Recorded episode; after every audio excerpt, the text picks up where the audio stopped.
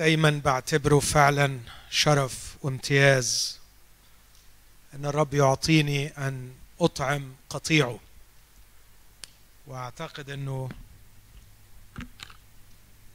نعمة ملهاش علاقة بالاستحقاق إنه الرب يختار شخص يخليه يخدم إخواته. لكن زي ما طلب الاخ سامي الخدام بيحتاجوا صلاة باستمرار. معونة في الروح وفي النفس. وفي الجسد لكي يعطى لنا كلام عند افتتاح الفم لكي نطعم قطيع الرب. الوصية الأخيرة للمعلم والراعي كان بيقول لبطرس أتحبني؟ ارعى غنمي اطعم حملاني. وأنا أكثر خراف المحتاجة إلى طعام. وتعودت فعلا إنه في الاجتماع وأنا بكلم إخواتي بكلمة الرب بلاقي الرب بيطعمني أنا وبيكلمني أنا قبل ما بيكلمكم. هستأذنكم نقف مع بعض ونقرأ بعض الأجزاء من كلمة الله. هقرأ اولا من إنجيل يوحنا الأصحاح الخامس عشر كلمات المسيح الأخيرة للتلاميذ. أنا الكرمة الحقيقية وأبي الكرام. كل غصن في لا يأتي بثمر ينزعه وكل ما يأتي بثمر ينقيه ليأتي بثمر أكثر. أنتم الآن أنقياء لسبب الكلام الذي كلمتكم به. اثبتوا في وأنا فيكم.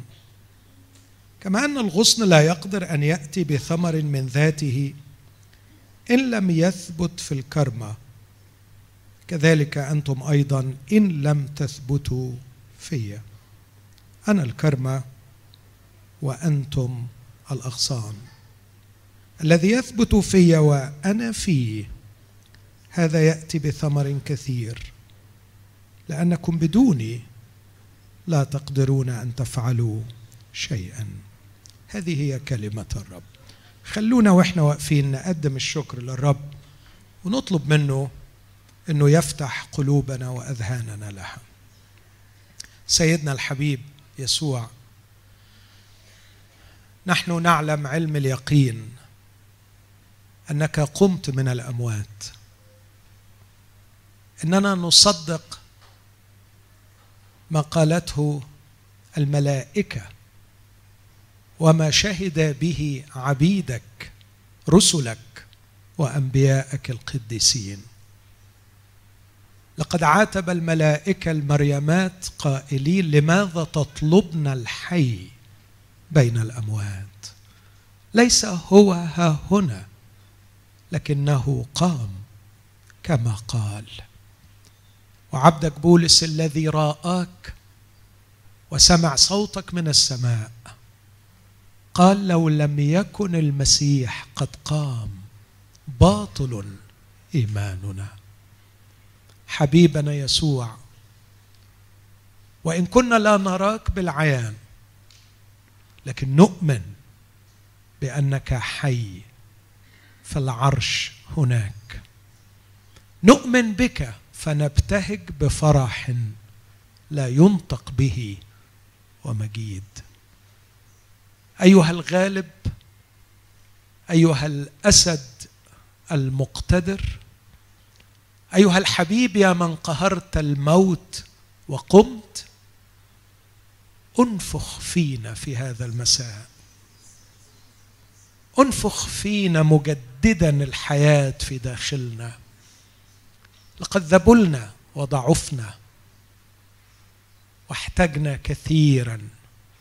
لنفختك المحيية. تكلم يا رئيس الحياة. أعطنا أن نسمع قولك. فنشبع ونقول مع عبدك إلى من يا رب نذهب كلام الحياة الأبدية عندك؟ واجعل كلمتك تغسلنا. واجعل كلمتك تحيينا. واجعل كلمتك تشفينا.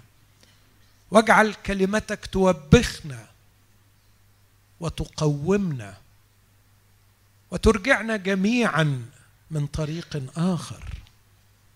غير شكلنا وجدد أذهاننا وأعطنا أن نعرفك من جديد في هذا المساء. أبانا في اسم المسيح استجب لنا. آمين. تفضل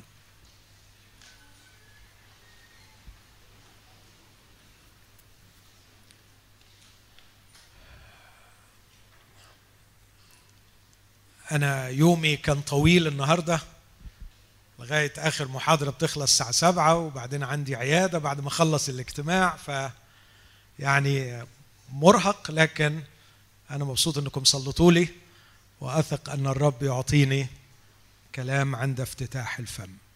أنا على قلبي أتكلم في فكرة أتناولها من ناحيتين.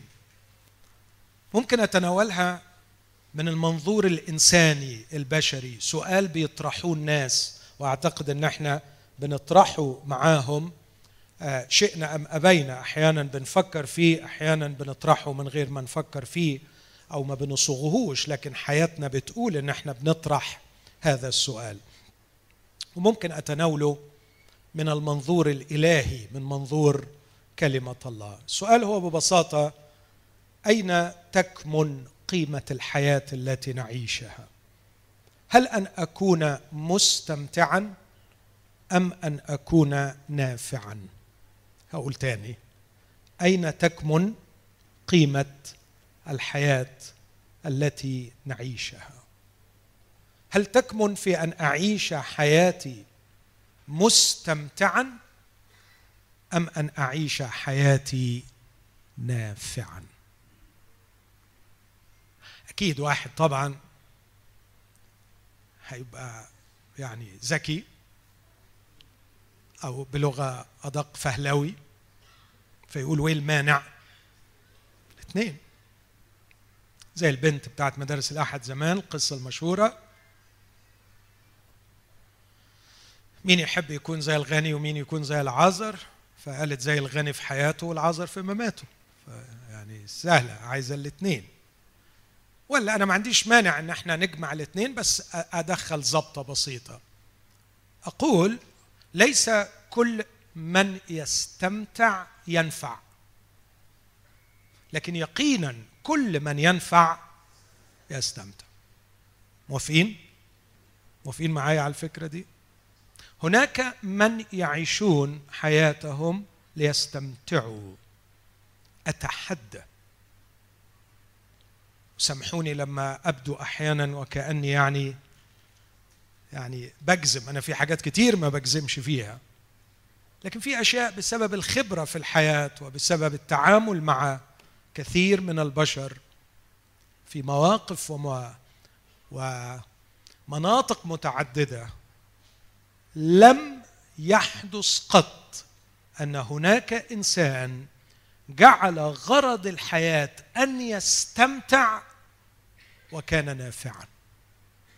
لكني أجزم أيضا أن كل من قرر أن يكون نافعا عاش مستمتعا.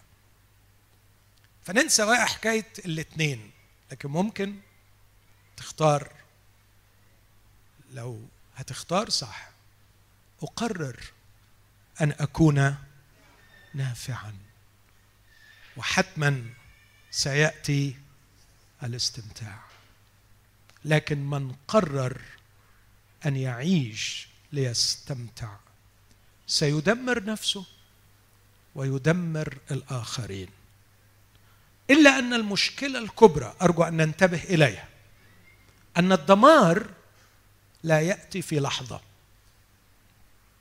لكنه يأتي كحصاد بعد سنين كثيرة. وهذا ما يجعل الناس في حماقة يظنون أن تكريس الحياة للاستمتاع لا خطر من وراءه لا خطر من الاستمرار في هذا المنهج لأنه ياخذ ويحصد المتعة لكنه في النهاية سيدفع الثمن. ولأن الثمن يأتي متاخرا فللأسف الشديد بيستمر في هذه اللعبة الغبية. وعندما يأتي وقت دفع الثمن اسمحوا لي أقول بكل ألم مرات كثيره ما بيكونش في يوتيرن. خلاص. خلاص. هتدفع يعني هتدفع. هتدفع يعني هتدفع. وكبيرك كبيرك إنك تصرخ له علشان يسندك وأنت بتدفع. كل من قرر أن يعيش من أجل المتعة سيدفع الثمن إن اجلا أو عاجلا. أحد رجال الله قال كل متعة لها ثمن. إلا أن المتع التي بحسب مشيئة الله يدفع ثمنها مقدما. والمتع التي بحسب الجسد يدفع ثمنها مؤخرا. فالذين يريدون أن يستمتعوا بحسب مشيئة الله يدفعون الثمن مقدما في جهاد لاختبار مشيئة الله والعيشه بحسب مشيئة الله. نعم يتألمون يتوجعون يتحملون لكن في النهاية يستمتعون يفرحون.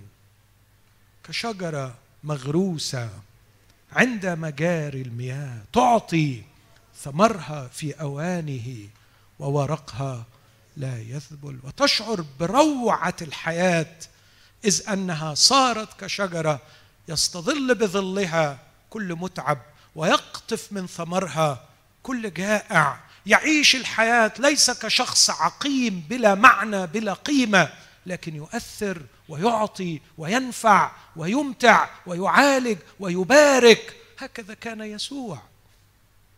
وهكذا كل تلميذ حقيقي ليسوع المسيح. اخترتكم اخترتكم لكي تذهبوا وتأتوا بثمر ويدوم ثمركم. لم يخترنا يسوع لكي نعيش على الأرض نستمتع لكن اخترنا لكي ما نعيش ننفع. ننفع ويقينا عندما ننفع سوف نستمتع. إلا أنه نوع من المتعة يختلف عن المتعة التي يعيش الناس من أجلها. لو كلمت بلغة الفلسفة أقول هي المتعة الوجودية التي بحث عنها كل الفلاسفة ولم يجدوها.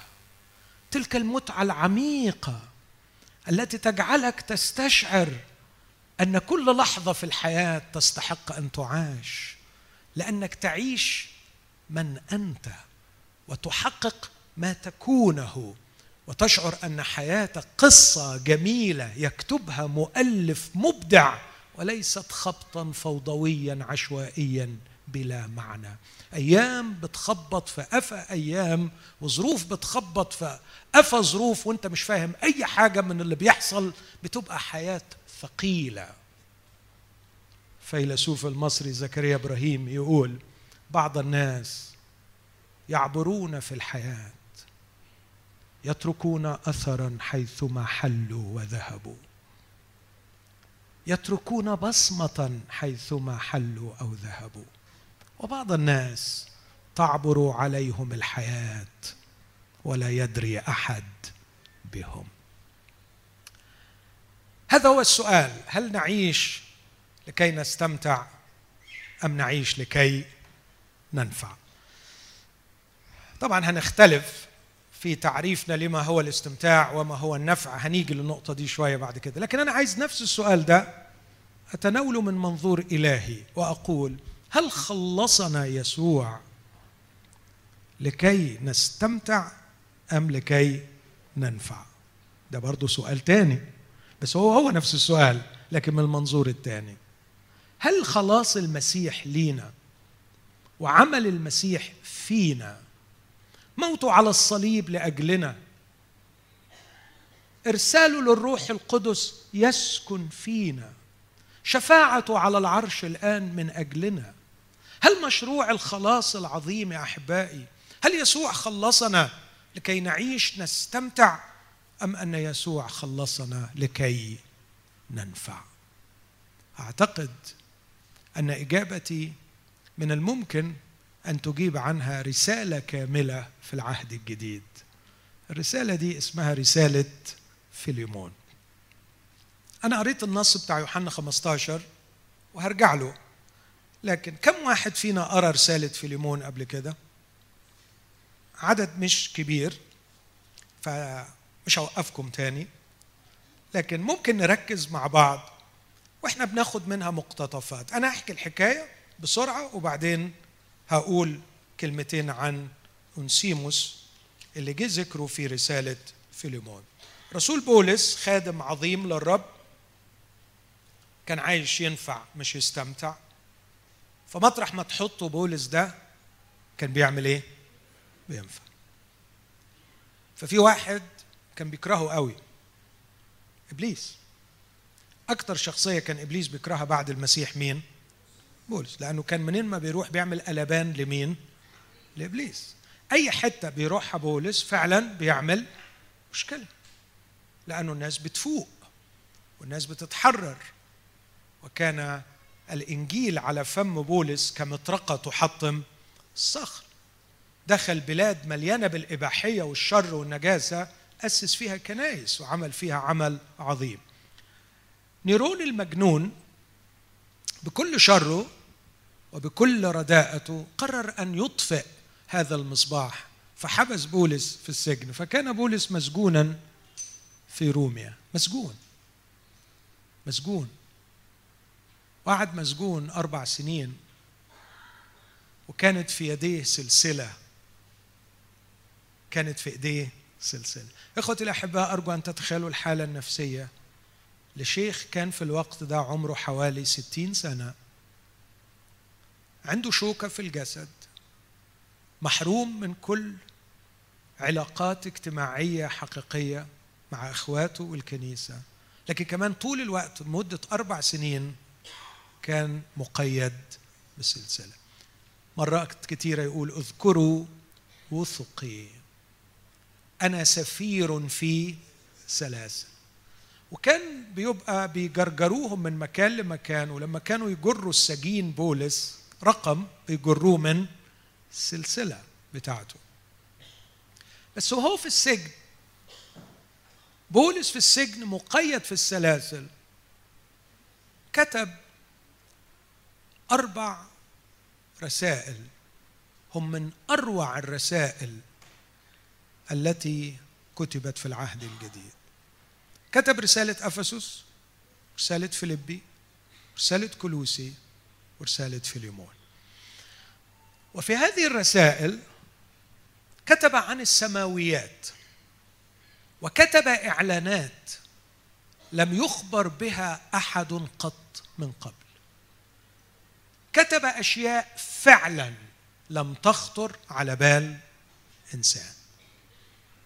بعض المفسرين وأنا أميل لهذا الرأي بيقولوا إن الحكاية اللي حكاها بولس أنه اختطف إلى السماء الثالثة. مش مستبعد إنها حدثت وهو في السجن.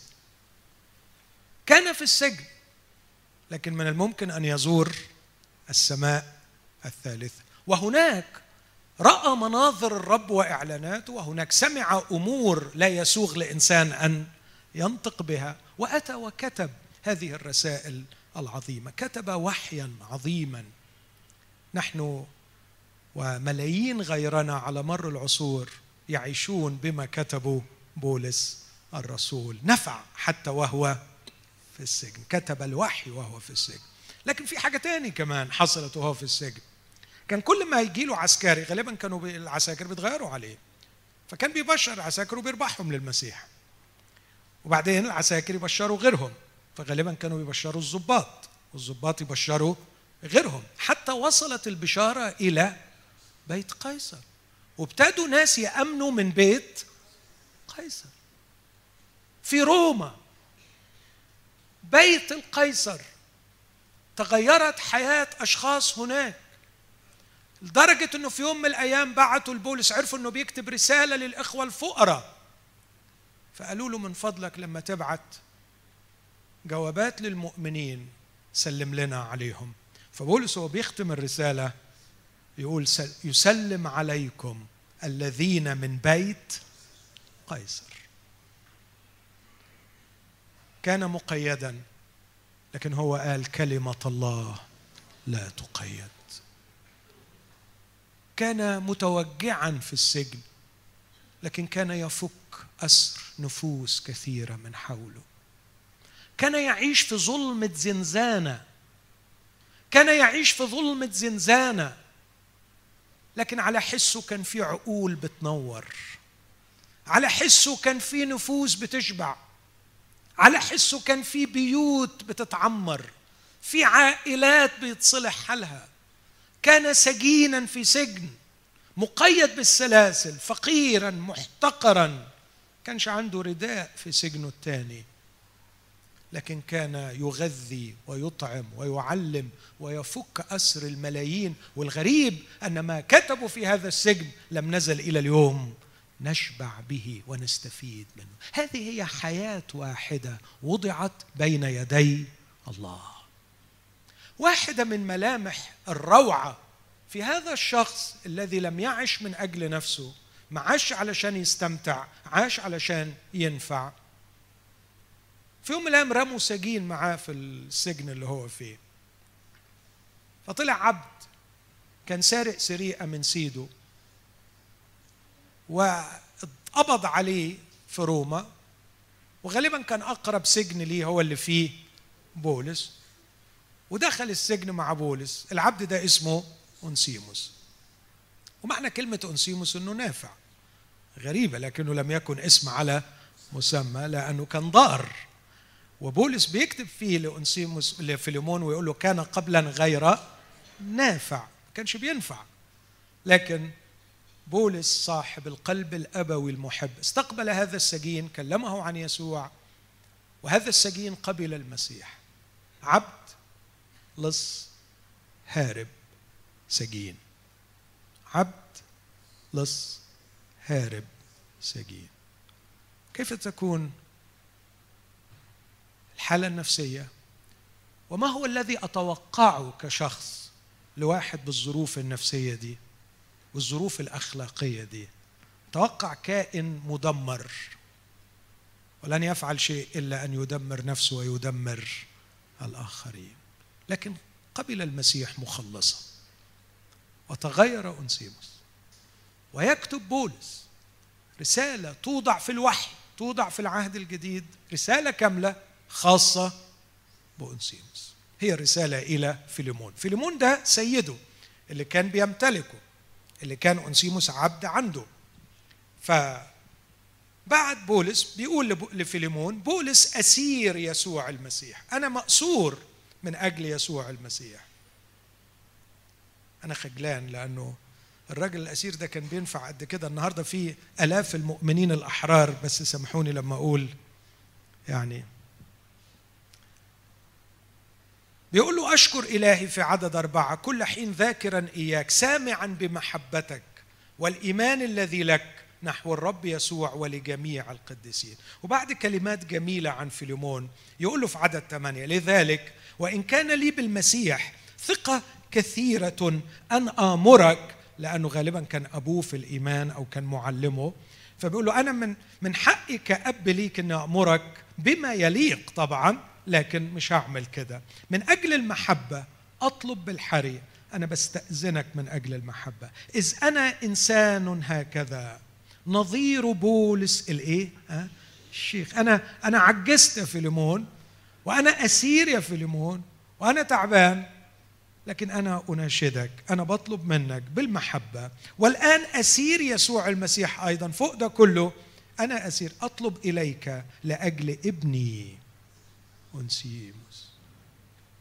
هذا هو غنى الإنجيل هذا هو غنى المسيحية. تجعل العبد الهارب اللص السجين. بولس يقول عنه إيه؟ أه؟ ابني. هذا هو الرقي المسيحي هذا هو التغيير. إخوتي انسيموس العبد لم يسمع عن المسيح لكنه رأى المسيح. رأى المسيح. إخوتي الأحباء النهارده قبل ما أجي مباشرة كنت مع الشباب بدي محاضرة في كلية اللاهوت فكنت بقول لهم أسألكم سؤال. هل المسيح كان حامل رسالة؟ أم كان هو نفسه الرسالة؟ لم يكن المسيح يتكلم عن المحبة لكن كان المسيح هو المحبة. لم يكن المسيح يعطي شعارات عن القداسة لكن كان يعيش القداسة.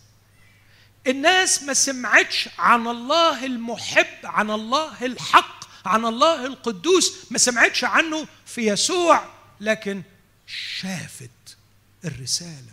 المسيح كان الرسالة مقروءة.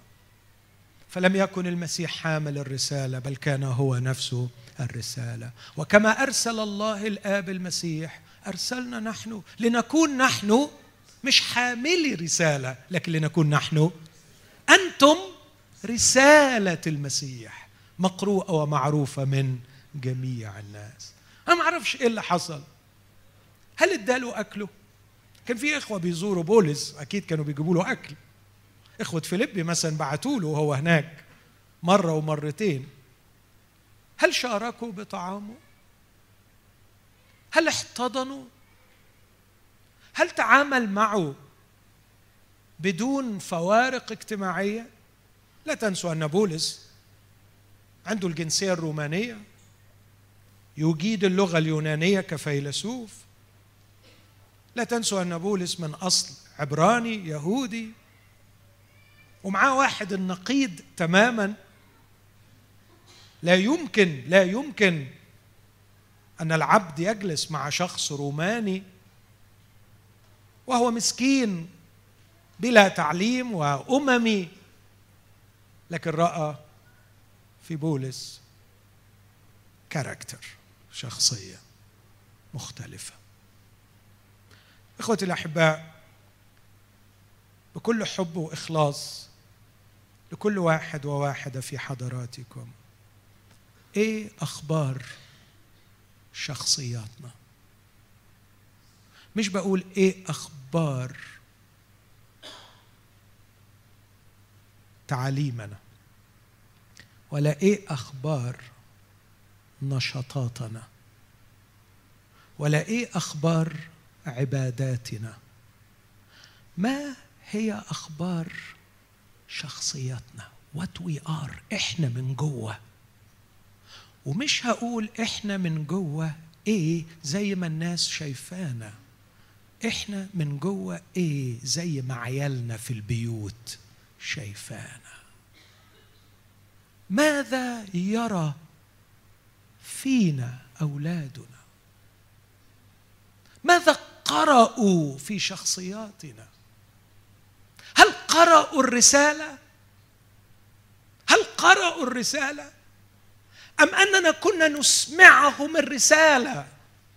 نسمعهم الرسالة مرة وراء المرة لكن كانت الرسالة التي يسمعوها متضادة تماما مع الرسالة التي يقرؤوها في حياتنا.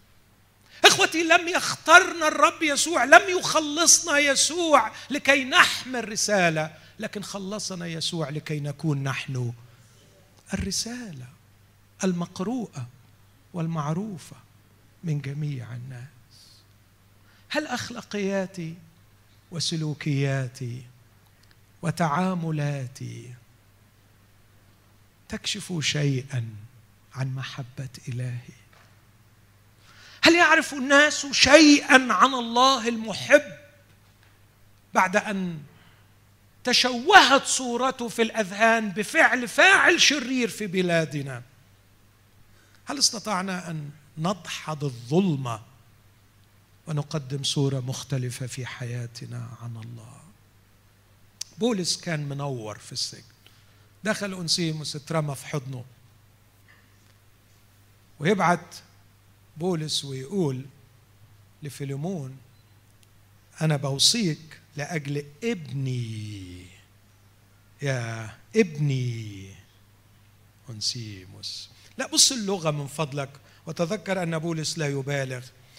الذي ولدته فيه آه يا رب كم أنا خجلان وأنا أرى شخصا مقيد يلد. بينما ملايين من المؤمنين أحرار يعيشون العقمة هل ولدنا؟ هل نلد أناس؟ هل الموضوع ده شغلنا أحبائي؟ اوعوا تزعلوا مني أنا مش قصدي أنكد على حد ولا قصدي أقلل فرحتكم بس أنا فعلا مشتاق إن إخواتي المؤمنين مش يكونوا مستمتعين لكن يكونوا نافعين. إن الرب اختارنا يا أحبائي لكي نكون نافعين. ها نحن نرى هنا شخصا في قيود في حبس في سلسلة في مرض في شوكة يئن تحت ثقلها لكنه كان نافعا. أثمر ولد ولد إنسانا في قيوده. تعرف ليه ولده؟ تعرف ليه نفع صدقني وهقرأ لك وهأكد لك لسبب واحد بسيط. قرر أن يكون نافعا. قرر أن يكون نافعا. قرر إنه يحطم السوفت وير الغبي اللي نزل لنا إن إحنا موجودين في الحياة علشان نستمتع. تعرفوا مرات بنتعامل مع ربنا على أساس إيه؟ إحنا مخلوقين وعايشين عشان نستمتع وربنا بقى يورينا شطارته ويساعدنا إن إحنا نستمتع. ولو ما ساعدناش نستمتع أوه. اسمع كل الكلام السخيف عن ربنا. والعتاب لربنا. ربنا ربنا مش عاجبني اليومين دول. ما خلينيش أستمتع. مش بسطني مش مريحني مش ماشي على مزاجي. اسم الله حبيبي عليك. يقطعني يا ضنايا. يقطعني يا ضنايا. فعلا فعلا. لا لازم نوبخه برضه. لازم نقول له الأسلوب اللي هو ماشي بيه ده مش مظبوط اليومين دول. هو مش واخد باله من سيادتك ومش مخليك إنك تعيش حياتك. مستمتع. يا دي الخيبة. وهو من فوق قلبه مكسور. قلبه مكسور. لكن بولس في قيوده يلد إنسانا. كان لصا كان هاربا كان عبدا كان سجينا يتحول إلى خادم خادم أمين للمسيح. انسيموس يحمل الرسالة إلى كلوسي وبولس يكتب عنه ويقول عنه انسيموس الخادم الأمين للرب. الذي هو منكم. هذا نص الكلام في كلوسي. انسيموس الخادم الأمين للرب الذي هو منكم. كم شخص في مصر يصارع مع الأفكار؟ كم شخص في مصر يصارع مع العقائد الخاطئة؟ كم شخص في مصر يصارع مع الصورة المشوهه عن الله؟ ويحتاج لمن يحب. يحتاج لشخصية تلفت نظره شخصية مميزة شخصية بتسلك سلوك مختلف. تجعله يراجع نفسه ويسأل عن الإله الذي نعبده ولدته في قيود. اسمع العبارة في عدد 11 الذي كان قبلا. قبلا دي يعني قبل إيه؟ قبل ما يتولد. كان قبلا غير نافع لك. ولكنه الآن نافع لك ولي. هذا هو فعل خلاص يسوع المسيح. في كلمة صغيرة وبدون فلسفة. ما هو الخلاص؟ الخلاص هو أن شخص كان غير نافع صار نافع. واحد ما كانش بينفع وبايه بينفع. بينفع. أتذكر اخويا الحبيب الراحل مجدي كنا في مؤتمر في شبابنا وإحنا صغيرين وكان في مرنم بيرنم معانا ترنيمة أحبك رب يسوع أحبك رب يسوع. فراح طلع كده لقدام ميل عليه قال له ممكن تغير أحبك وتخليها أنفعك رب يسوع أنفعك رب يسوع أنفعك رب يسوع.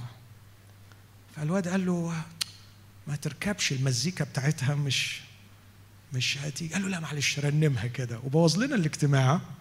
كناش عارفين نرنمها أنفعك. لكن بعد كده بقول له ليه عملت كده؟ قال لي مش طايق أعيش حياة ما كنش فيها نافع. نفسي أكون نافع. نفسي أكون شجرة مثمرة. كل اللي معدي يقطف وياكل. مين بيقطف منك؟ كم شخص قطف منك؟ يا أخي قطف عمرهم وأنا فاضي.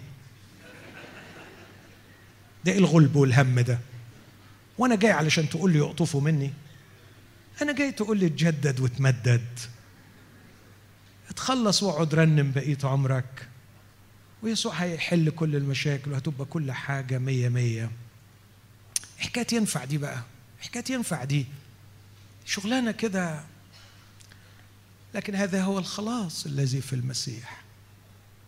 هذا هو الخلاص. هذا هو الخلاص. كنت خاطي. والخاطي هو من الفعل أخطأ. والفعل أخطأ يعني لم يحقق الهدف. خلصني من الخطية. أي خلصني من عدم تحقيق. الهدف. يعني جعلني أحقق الهدف. والهدف هو أن أكون نافعا. يكون اناء للكرامة. مقدسا. نافعا للسيد. ومستعد لكل عمل صالح. يكتب مصليا للإخوة في كلوسي. يقول لهم بصلي لكم مش بس لتسلكوا في كل رضا لكن مثمرين في كل عمل صالح. أختي العزيزة أخي الحبيب إذا سألتني نصيحة كيف أستمتع بحياتي؟ نفسي أعيش وأحس بطعم الأيام. نفسي إنه يبقى يوم الخميس غير يوم الأربع غير يوم الثلاث. نفسي ما تبقاش أيامي كلها شبه بعضيها. نفسي ما تكونش سنيني كلها شبه بعضيها. نفسي أبقى شاعر بالاستمتاع إذا الظروف بقيت كويسة ولا الظروف بقيت وحشة. نفسي في نوع من المتعة يجعلني أرتقي فوق المشاكل وفوق العلاقات المكسورة وفوق الفشل والإحباط وفوق حتى تعب وإعياء الجسد. هل عندك نوع من المتعة أستطيع أن أستمتع به على الرغم من كل التقلبات في الحياة أشير عليك أن تكون نافعا للسيد ومستعد لكل عمل صالح. وعندما تعيش نافعا أؤكد لك هناك بهجة خاصة تسري في كيانك وأنت ترى الآخرين يأكلوا من ثمرك. أما إن عشت عقيما فلا تلومنا إلا نفسك. عندما تكتئب وعندما تستثقل الحياة وعندما تشعر أن الأيام بلا معنى وعندما تذهب للطبيب النفسي وتقول له هو أنا عايش ليه؟ صار انسيموس نافعا. مش لأنه خد شهادة مش لأنه تعلم حرفة مش لأنه خد كورس. لا. لا. سيموس بقى نافع عشان اتخلص بساطة شديدة قوي. سيموس بقى نافع لأنه تخلص. بعدين يوصفه ويقول الذي رددته رددته لك فاقبله الذي هو معقول يا بولس؟ أنت بتتكلم جد. يعني أنت عايزني أصدقك فعلا؟ يعني واحد قابلته في السجن وبعدين آه، قعدت معاه كلمته عن المسيح عرف المسيح اتخلص. تبعت اولا انت ضمنه ضمان غريب قوي. ده بعد بيقول له أنا أضمنه. وأي حاجة إن كان ظلمك بشيء احسب ذلك علي أنا أوفي. وده ابني وأنا بضمنه لك. لكن كمان يقول له ده هو إيه؟ ها؟ أحشائي. أحشائي من جوه. معقول يا بولس؟ انت فعلا بتحبوا الحب ده؟ طب أنا عايز أسأل سؤال اللي بيحب الحب ده مستمتع ولا مش مستمتع؟ مستمتع. واحد واحد بيحب فعلا اولا بيحبه لأنه فرحان شايف نتيجة تعبه. شايف إن الولد ده كان ضايع وفجأة اتبدل حاله فكل ما يشوفه بيشوفه نافع بيشوفه بيكبر بيشوفه بيفهم يقول نجحت يا بولس. الحياة لها معنى يا بولس. الحياة لها طعم يا بولس. إن كان غير النافع على إيديك يا بولس يبقى نافع يبقى الحياة تستاهل إنها تتعاش. يعني أنسيموس كان مصدر فرح لبولس. كان شبعان بولس وفرحان. طبعا من حقه. بيقول له ده احشائي أنا متعلق بيه. الواد ده بيعمل لي دماغ. كل ما بشوفه كده وعمال يكبر وعمال ينجح وعمال يخدم ويبقى خادم للرب في خلال أيام قليلة. أنا سعيد يا فيلمون واقبلوا نظيري. كنت أشاء أن امسكه عندك عن عندي لكي يخدمني عوضا عنك في قيود الإنجيل. لكن بدون رأيك بصوا الأدب المسيحي بصوا الأخلاق المسيحية. على فكرة ده مش مش أخ مسؤول عن كنيسة ولا قسيس ولا لا ده مين حضراتكم؟ ها؟ ده الرسول بولس ها؟ الرسول بولس. والرسول بولس بيتكلم مع أخ في كنيسة اسمه فيليمون. فبيقول له أنا ما أقدرش أعمل حاجة من غير رأيك. ده تسموه إيه ده؟ أدب. آه بالظبط كده. أدب يعني. أدب يعني. طب وعكس كده يبقى إيه؟ لا مؤاخذة يعني. آه بس. آه خلاص يعني. آه لكن أخلاق أخلاق رقي مسيح. أنا ما أقدرش. ما فيش فرض رأي. ما فيش كده. في احترام. احترام لحقوق كل هي دي الحياة المسيحية يا جماعة. ما هي دي الرسالة؟ بولس الرسول بيقول له كنت أقدر أمسكه لكي يخدمني عوضا عنك في قيود لكن بدون رأيك. ما أقدرش أعمل كده. حضرتك لازم توافق. وعشان كده أنا بعتهولك بعتهولك علشان ترجعهولي تخيل؟ تخيل وده اللي حصل. هو رجعهوله تاني يخدم بولس في السجن. بس ابعتهولك وأنت ترجعهولي وده هيروح من روما من إيطاليا ويعدي على اليونان وينزل على تركيا علشان يروح كلوسي وكل ده مشاوير فظيعة في ذلك الزمن علشان بس ما يكونش خدمة انسيموس لبولس بدون رأي صاحب الحق. يا يا. ده النهارده المؤمنين بياكلوا حق بعض أحيانا يقول لك مش إحنا إخوات مش إحنا إخوات ياكل حقه. إحنا اخوات. استباحة. أنا بحاول امسك نفسي. أنتوا قلتوا لي انه ده ادب مش كده؟ عكس كده. يبقى إيه؟ مش عارفين ها؟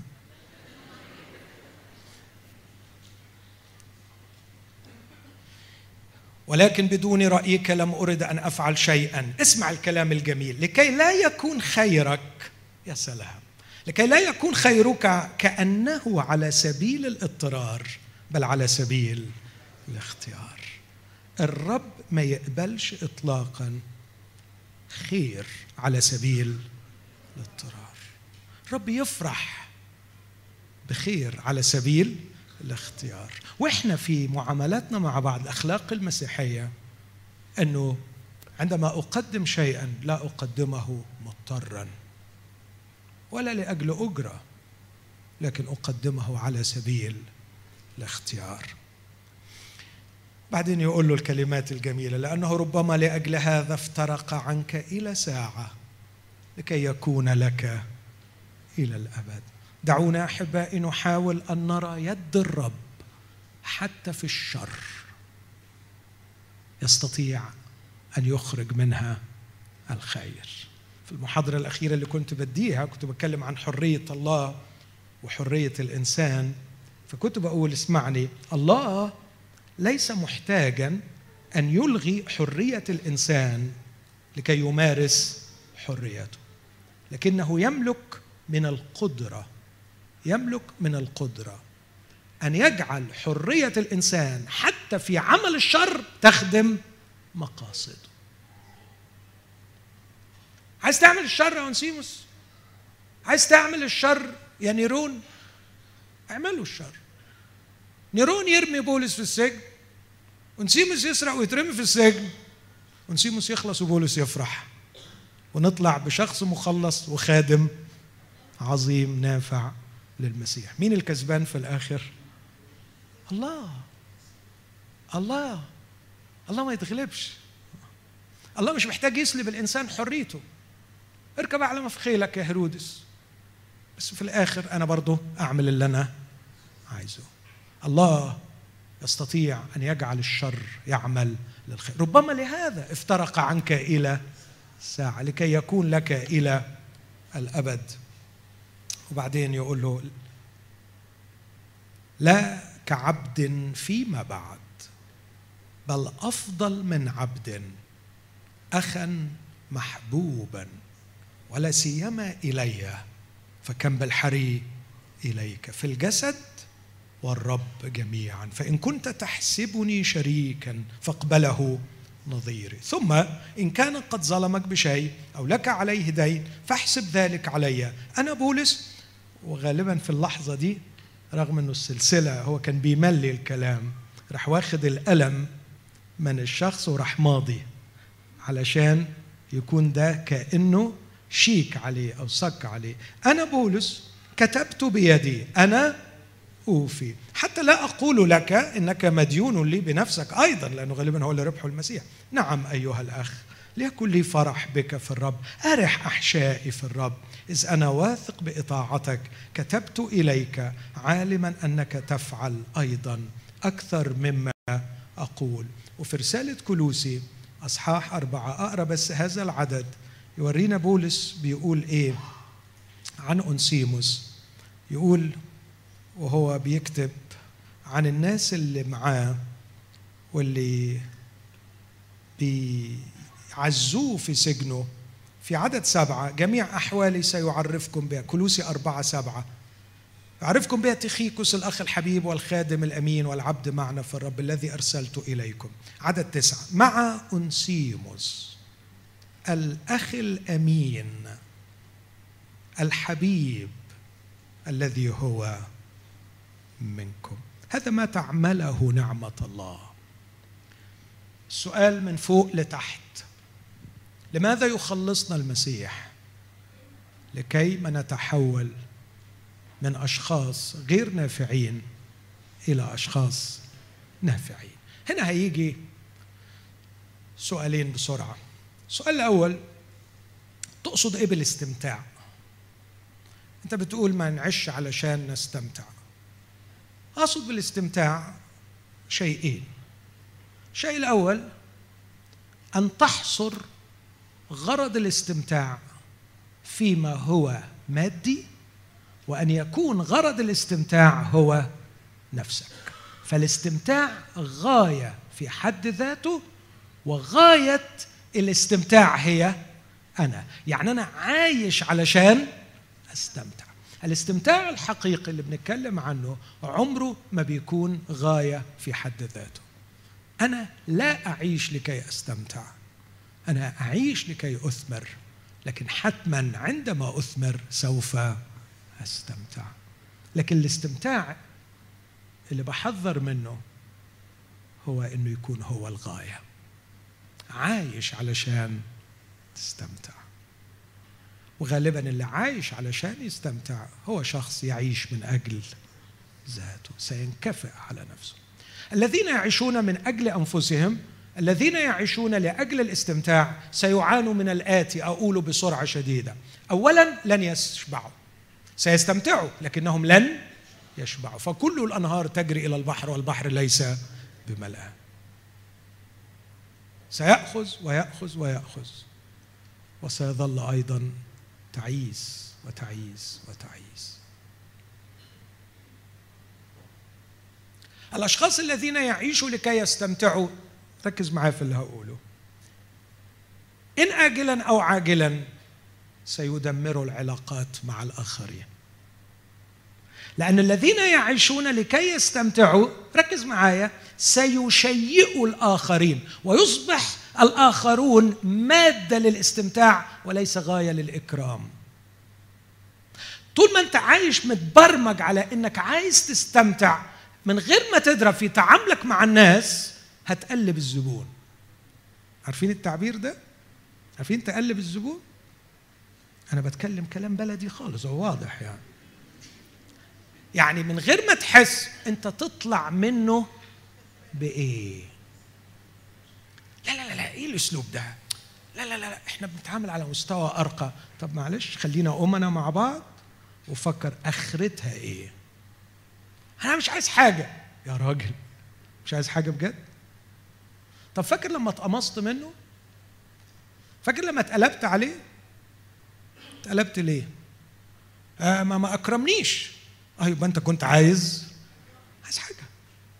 ما تقوليش إن العلاقة كده لوجه الله. لكن الشجرة المثمرة لا تسأل من الذي قطف ثمرها أسود أم أبيض. ولا تسأل قط إن كان سيعود شاكرا. أم لا؟ إن متعة المثمر في أنه قد أثمر.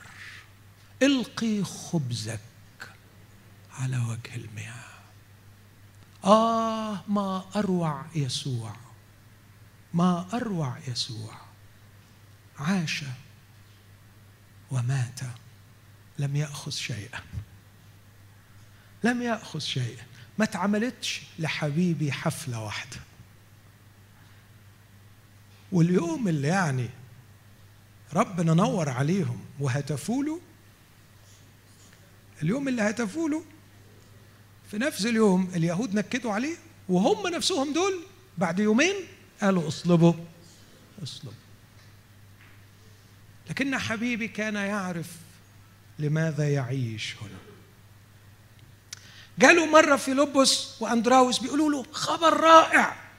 أخيرا في ناس محترمة بتفهم. اليونانيون يقولون نريد أن نرى. الناس المثقفة المحترمة جاية عايزة تكرمك عايزة تقعد معاك. يلا بقى تعالى استمتع. تعرف ردوا قال لهم إيه؟ قد أتت الساعة ليتمجد ابن الإنسان. قال له صح صح مظبوط. فعلا أتت الساعة لتتمجد. تعال أقعد مع اليونانيين. قال لهم لا. أتت الساعة ليتمجد ابن الإنسان إن حبه الحنطة إن لم تقع في الأرض وتمت فهي تبقى وحدها لكن إن ماتت تأتي بثمر كثير. ينبغي أن أذهب إلى الصليب لا أن أذهب إلى اليونانيين ينبغي أن أذهب لأموت لأن هناك ملايين يحتاجون إلى الخلاص والشفاء يحتاجون لمن يحمل عنهم خطاياهم. سأموت لكي يحيوا. ولغاية النهارده ما في اسم أثمر في كل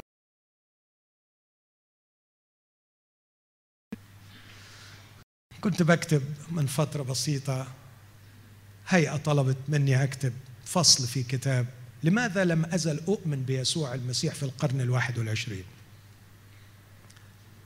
فقعدت أفكر أدخل منين فقلت أدور على أثر يسوع المسيح في الحضارة الغربية اللي هم بيقدروها وبيحترموها.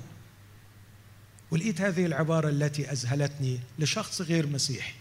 بيقول لو تخيلنا أن هناك مغناطيس ضخم وأن هناك التاريخ البشري عبارة عن برادة حديد.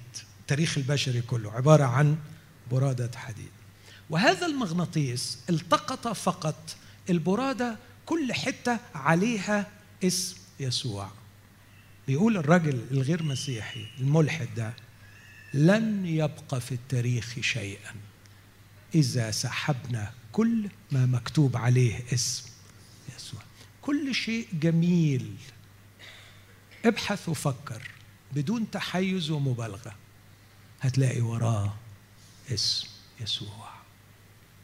كتير بنطرح علينا أسئلة. هتفرج على اليابانيين؟ صح. مالهم اليابانيين؟ التقدم والعظمة. يس جابوها منين؟ جابوها من الغربيين. جابوها من الحضارة الغربية. ومنين جات الحضارة الغربية؟ إلا من رقي وسمو اسم المسيح وكلمة الإنجيل التي انتشرت والتي احترمت العقل واحترمت العلم ووفرت المناخ. إخوتي الأحباء كان يسوع يعيش لا ليستمتع لكن يعيش لكي ينفع لكنه ابدا لم يكن شخصا كئيبا لكن حتى في ليلة ألامه تكلم عن فرحه الذي سيكمل وطلب أن يكمل فرحه فينا إذ نعيش نفس المنهج الذي هو يعيش به. الاستمتاع الشخص الذي يعيش لكي يستمتع عمره ما هيشبع الأمر الثاني هيدمر العلاقات بتاعته شاء أم أبى. ويتحول إلى شخص في النهاية لا أخلاقي لأنه يعيش من أجل نفسه. النفع هو أننا نعيش لكي ما نثمر للآخرين، لكن يأتي سؤال يمكن تلخص قصة أحد الخدام العظماء. أحد الخدام في الغرب كان شابا نابغا في إحدى الجامعات، كان يجيد سبع لغات وكان ذكيا للغاية، وبعد عشر سنين من تفرغ هذا الشخص للخدمة التامة كان يخدم الرب. قابله أحد أساتذته في الجامعة وسأله أنت فين؟ أنت اختفيت قال له إني أخدم الإنجيل. قال له يا خسارة كنا نعول عليك كثيرا. كنا نتوقع أن تكون نافعا جدا. فابتسم هذا الخادم وقال له لأي عالم نافع لكن لأي عالم؟ صح. كنت تريدني نافعا لكن كنت تريدني نافعا لأي عالم؟ أي عالم تريدني أن أنفع؟ ما الذي اقصده بالنفع؟ أقصد بأن نكون نافعا لملكوت الله. وملكوت الله قصده الاساسي بركة البشر على الأرض. أرجو إن ما حدش يفهمني غلط. ما أقصدش أن أنفع لملكوت الله معناه إني أنعزل عن المجتمع. وإني لا أكون لبركة الناس بل بالعكس كلما صرت لملكوت الله أكثر كلما نفعت الناس أكثر. لكن أختم كلامي بالأعداد اللي قريتها من إنجيل يوحنا اللي بتؤكد الإجابة لماذا نعيش؟ نعيش لكي ننفع. لماذا اختارنا يسوع؟ اختارنا لكي نثمر. يسوع يقول أنا الكرمة الحقيقية وأبي الكرام. كل غصن في لا يأتي بثمر ينزعه وكل ما يأتي بثمر ينقيه ليأتي بثمر أكثر. أنتوا تعبتوا؟ أنا تعبان أكثر منكم. يعني بس بس دخلنا في حتة مهمة. ليه يسوع شبه نفسه بالكرمة؟ في حكاية جميلة في سفر القضاء صح تسعة توضح لنا فكرة عن الكرمة. ذهبت الأشجار في مثل كده قصة خيالية. ذهبت الأشجار لكي آه، تمسح عليها ملكا تختار عليها ملك. فراحوا للتينه وراحوا للزيتونة وكل واحدة كان لها رد وبعدين راحوا للكرمة. فقالوا لها تعالي أملكي علينا. قلت لهم أنا أملك؟ أنا مش بتاعت ملك. أأترك مسطاري الذي يفرح الله والناس وأذهب لكي أملك على الأشجار؟ لا. رفضت السيادة لأن لها وظيفة أخرى غير إنها تسود على آخر القصة علشان اللي عايز يعرف الحكاية.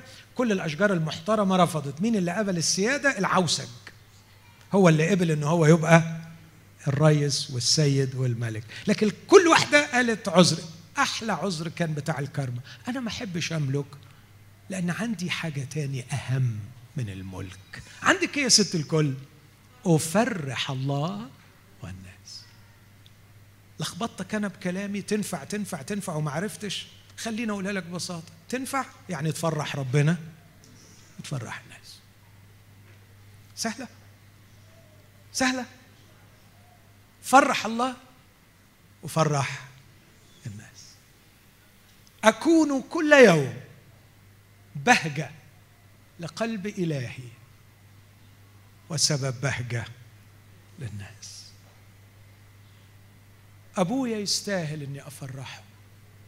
كل يوم بسمعه بيقول لي يا ابني كن حكيما وفرح قلبي. المفروض أقول له غالي والطلب رخيص. حاضر يا بابا. مش هعمل حاجة غبية. أصل أنا حياتي ملهاش طعم ولا معنى. إذا ما كنتش أفرحك. مش هخلي اليوم يعدي عليا من غير ما أفرحك. وكمان أروح حد مجبور الخاطر. أخلي حد يقابلني يروح فرحان. كل الذين لمسوه نالوا الشفاء. كل الذين سمعوه تباركوا به. يسوع ما دخلش بيت وسابه زي ما هو. يسوع ما قابلش شخص وسابه هو. يسوع ما حضنش طفل وسابه زي ما هو. يسوع ما تلمسش من حد وفضل الحد ده زي ما هو. يسوع ما دخلش قرية وفضلت زي ما هي. يسوع حيثما كان يذهب كانت السماء تشهد ويقول هذا هو ابن الحبيب الذي به سررت. والناس يقولوا فعل كل شيء حسنا. جعل الصم يسمعون جعل البرص يطهرون. لم يفعل شيئا ليس فيه محله. يفرح الله والناس. مرة ابني كان راجع من برا أنا كنت مبسوط بيه يعني بس بقول له أنت ابني الحبيب. فسكت كده وكشر. فبقول له أنا بقول لك حاجة أنا بقول لك أنت ابني الحبيب. قال لي بس كان نفسي تكملها. كان عايزني أقول له الذي به سررت. قلت له يعني مش للدرجة دي مش مرة واحدة لكن واحدة واحدة. لما تعمل حاجة تخليني أصر أنت طول عمرك هتفضل ابني الحبيب بس ينبغي أن تفعل شيئا يفرحني. هل نفرح قلب الله كل يوم؟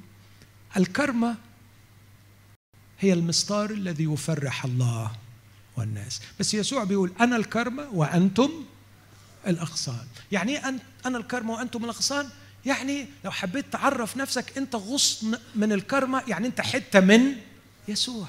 أنت امتداد من يسوع امتداد من يسوع.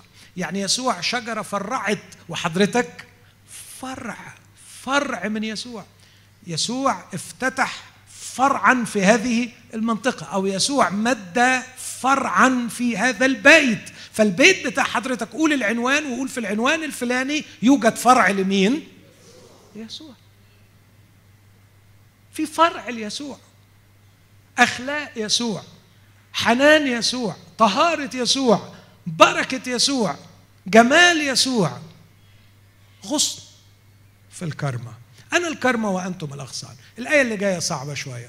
كل غصن في لا يأتي بثمر ينزع كلمة ينزع كلمة مش دقيقة. لما قريت في اليوناني الفعل ده جه في العهد الجديد وفي إنجيل يوحنا مرات كثيرة جدا يجي بمعنى يرفع وللأمانة أنه مرات يرفع تعني ينزع يرفع حاجة يعني يشيلها لكن مرات يرفع بمعنى يعلقه يعلقه يعني مثلا هي نفس الكلمة اللي الرب يسوع. قالها لليهود في يوحنا 8 متى رفعتم ابن الإنسان؟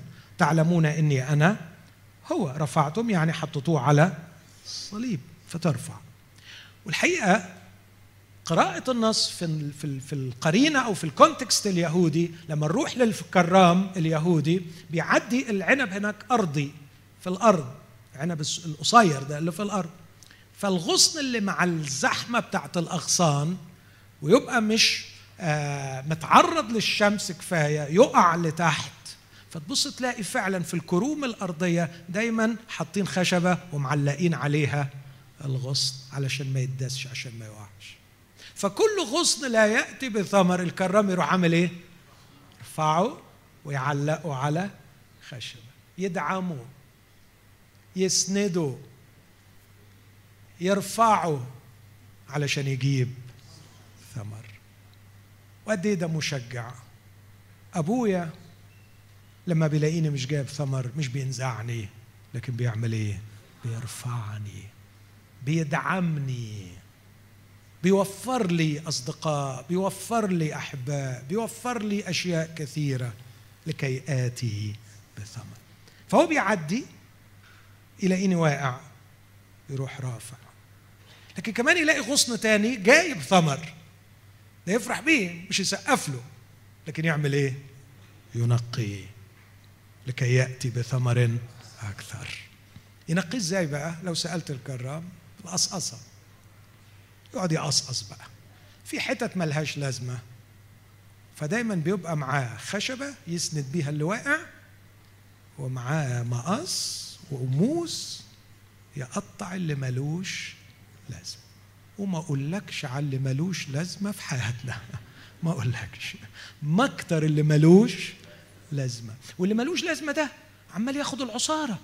عمال ياخدوا العصارة. شوية المية اللي جايين شوية الغذاء اللي جايين رايحين في حاجات ملهاش لازمة. فيضطر أبوك يعمل إيه؟ ها؟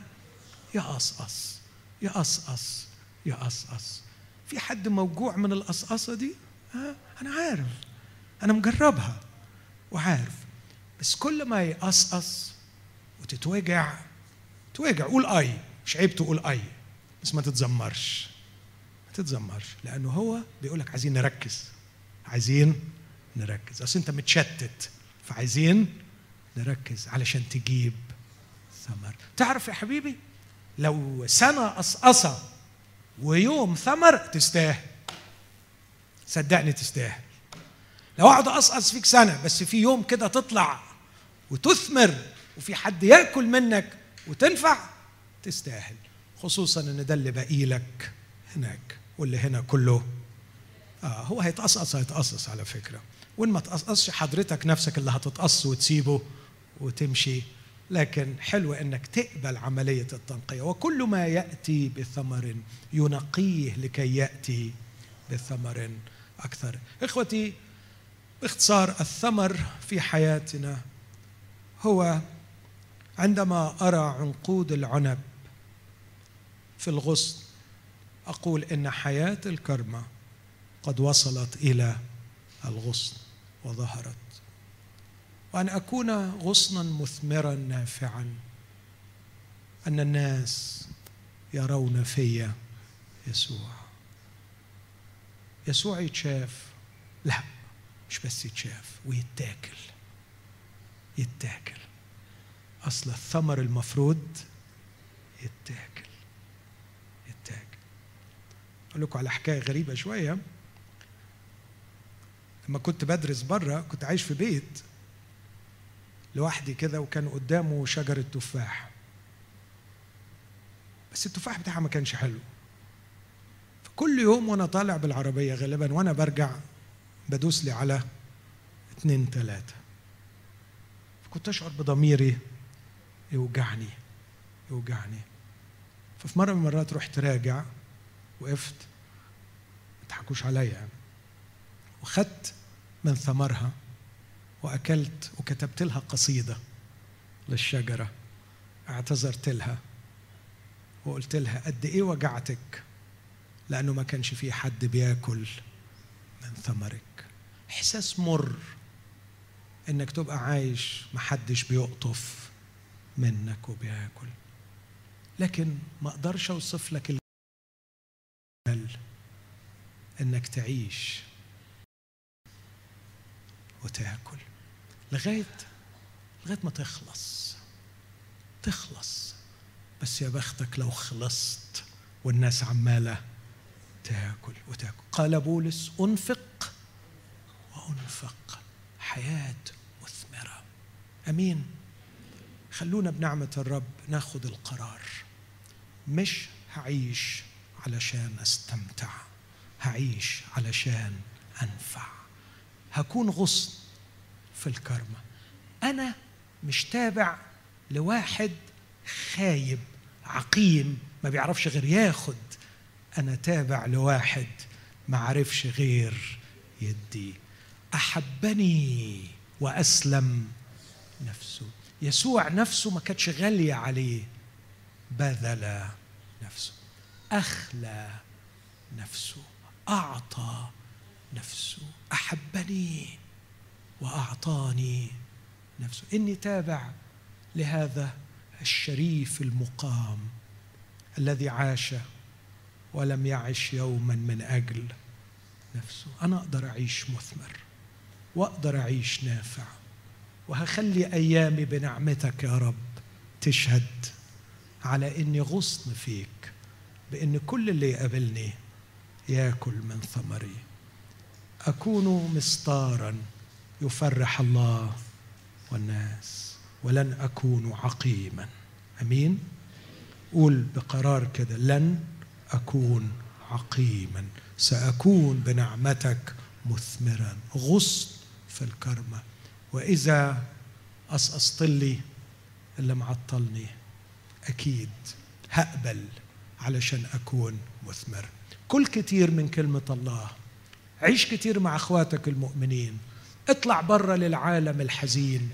قابل الناس بره وانت بتصرخ وبتقول له يا رب الناس دي محتاجة لك. اديني أكون سبب بركة ليهم. هيجي لك شيطان يقول لك لا أنت تعبان. أنت تعبان. رد عليه وقول له لنا هذا الكنز في أواني خزفيه على فكرة مش لازم تبقى بيرفكت كامل علشان ربنا يستخدمك. ربنا بيستخدم المضعضعين والتعبانين اللي زي حالتنا.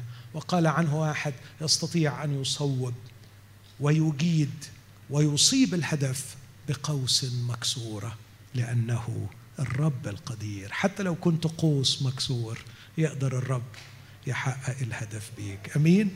خلونا نقف كلنا وإحنا بنقطع هذا الوعد أمام الرب ونصر على هذا الأمر. لن أكون عقيما ولن أعيش غير مثمر ولن أكون غير نافع لكني أصر وأصمم اليوم أن أكون نافعا للرب مستعدا لكل عمل صالح.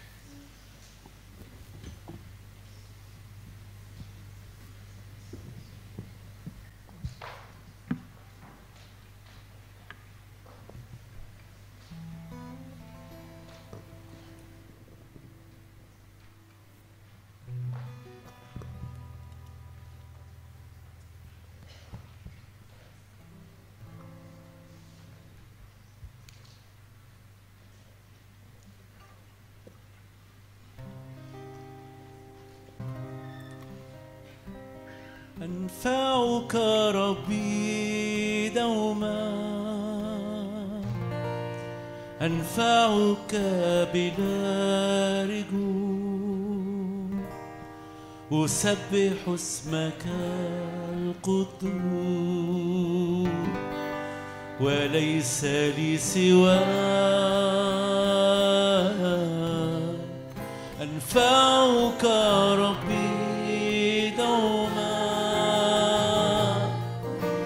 أنفعك بلا رجوع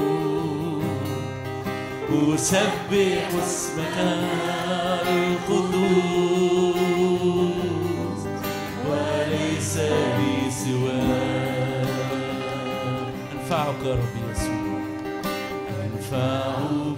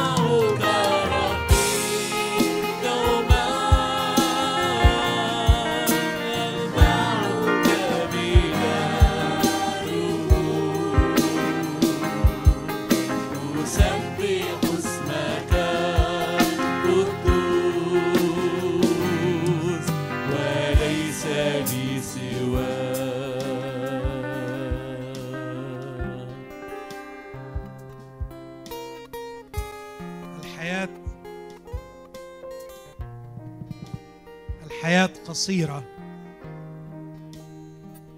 أقصر مما نتخيل ومملوءة بالمفاجآت. ولا أعرف بماذا ستفاجئني غدا. لكني مطمئن لأني بين يدي إله عظيم. وكل ما أريده ألا أخرج من هذه الحياة عقيما. لتكن التكلفة كيفما تكن. يكفيني فخرا أن أخرج منها مثمرا. لا أريد صلي معايا الصلوات. لا أريد شهرة ولا كرامة من البشر. لا أريد عزا وراحة في الأرض. أريد أن أكون مثمرا. مثمرا.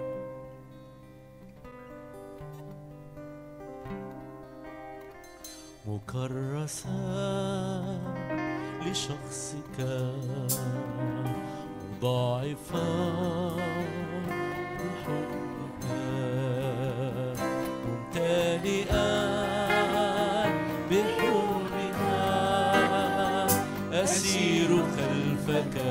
رسالة رسالة أعطيتني يا سيدي. كي أخبر الملأ عن الحب العجيب. وقلت لي أن الطريق شائكا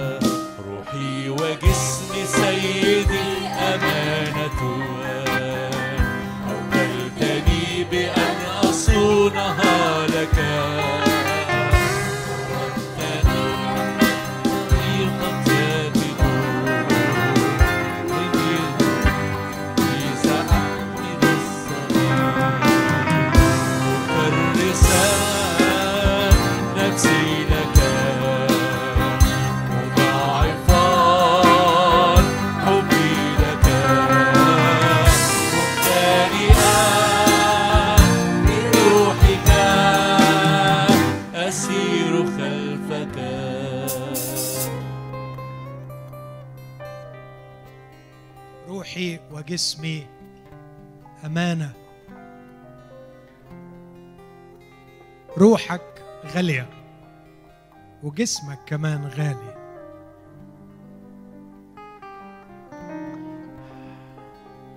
في أواني سينية يغلى ثمنها على قد اسم اللي وقع عليها. بولس بيقول إني حامل في جسدي سمات الرب يسوع. الرب يسوع وقع على جسم بولس سنيه من مين؟ من يسوع. الجسم ده بتاع يسوع. والعقل ده بتاع يسوع. والروح دي بتاعت يسوع. ومحدش يشاركه فيا. آمين. تديله هديته تديله عطيته تديله حقه فيك. قول له اتفضل وقع. اتفضل امضي. خد الإناء ده. خد الإناء ده ووقع عليه. وابعته للعالم موقع باسمك.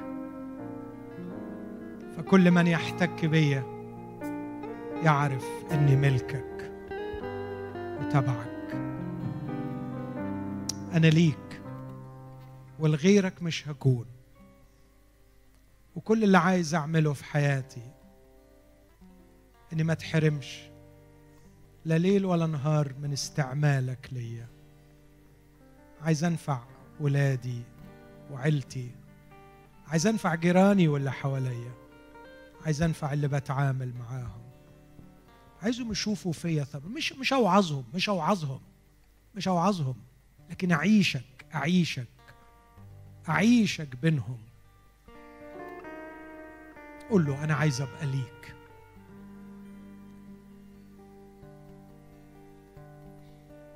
فأنا لك يا رب. ولغيرك لن أكون فأنا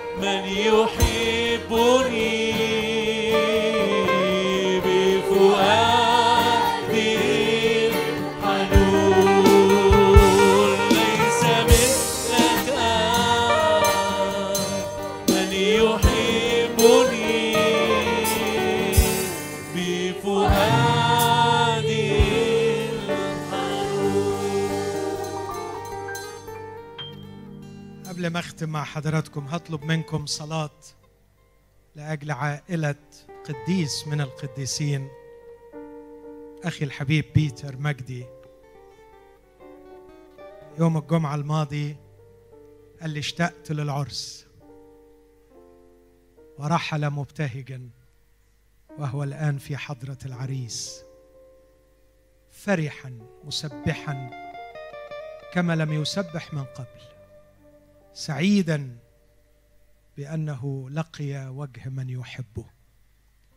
أشهد بالابتهاج الذي انطلق به لكن لا شك أن أسرته تحتاج إلى صلواتنا. فخلونا ناخذ دقيقة ندعم هذه الأسرة المحبوبة. الصلاة. نثق. نثق أن الرحلة مشرفة وجميلة. واله كل تعزية. الذي يعزينا في كل ضيقه أبو الرأفة. يستطيع أن يعصب. ويجبر ويرفع. ويشدد. خلونا نطلب من الرب أن يمشيهم على مرتفعاتهم. يجعل اقدامهم كالايائن يضع في فمهم الترنيمة. على الرغم من الألم. وليعطيهم راحة في الروح والجسد. راحة عميقة وتعويض عن ليالي مؤلمة. أيها الأسد أيها الأسد المقتدر يا من علمتنا أن من آمن بيك ولو مات فسيحيا. يا من غلبت الموت والقبر ويا من ستأتي على السحاب ظافرا. لتدك كل الحصون وتخرج من القبور أجساد قديسيك. لنحلق معك في الترنيمة الأبدية الخالدة أين شوكتك يا موت؟ وأين غلبتك يا هاويه نحن ندعوك ككنيسه أن تزور هذه العائلة المحبوبة أن تقضي هذه الليلة الآن معهم. اقضي ليلتك معهم. كما دخلت مع تلميذي عمواس بيتهم. ادخل البيت. واقضي الليل معهم مشجعا. ساندا. الأب والأم والزوجة والأطفال. نحن لا نضارب الهواء ولا نتكلم إلى شخص بعيد. نحن نحبك يا يسوع ونؤمن أنك حي بيننا الآن. تسمع صلاتنا وتستجيب تضرعنا من أجلهم. معهم نصلي من أجل كل قديسيك المتألمين. لترحم شعبك. وتعطنا الحكمة لكي نفتدي الوقت لأن الأيام شريرة. في اسم المسيح يا أبانا استجب آمين. تفضلوا سيدي. وتناهى الليل تناهى وتقارب النهار. وعرسنا جاي ياخدنا نستوطن